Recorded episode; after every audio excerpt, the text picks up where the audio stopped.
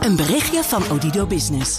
Hoe groot je bedrijf ook is of wordt, bij Odido Business zijn we er voor je. Met unlimited data en bellen en met supersnel en stabiel zakelijk internet. Ook via glasvezel. Ontdek wat er allemaal kan op odido.nl/slash business.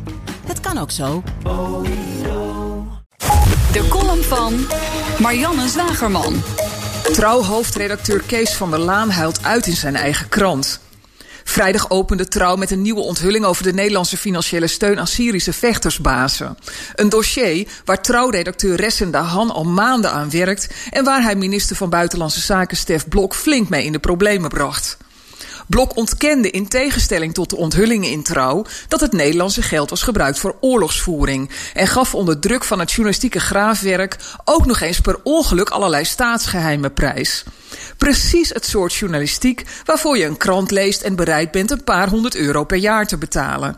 Maar daar zit nu net de pijn van de hoofdredacteur. Want de Han klaarde deze journalistieke monsterklus, waar de krant maanden in investeerde, samen met nieuwsuurredacteur Milena Holdert.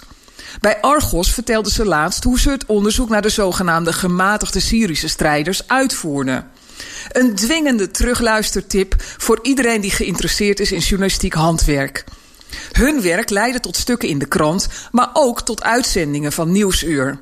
Het met belastinggeld gefinancierde nieuwsprogramma zette het eindresultaat, inclusief videobeelden en foto's, voor iedereen gratis toegankelijk op de site van de NOS.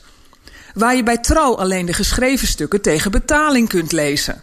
Dat wringt, schrijft Van der Laan.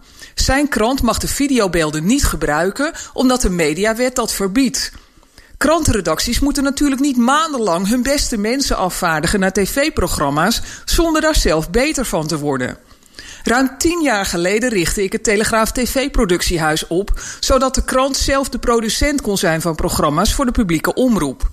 Alleen stak het commissariaat voor de media daar later een stokje voor. Dat probleem is nog altijd niet opgelost.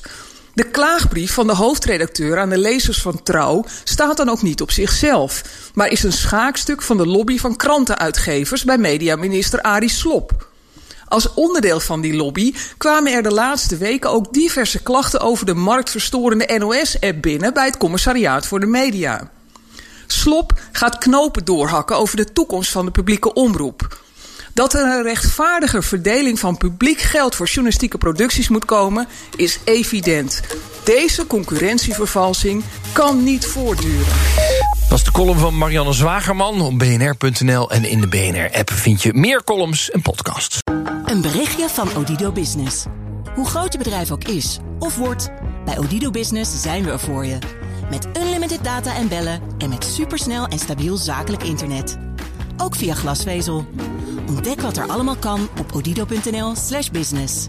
Het kan ook zo.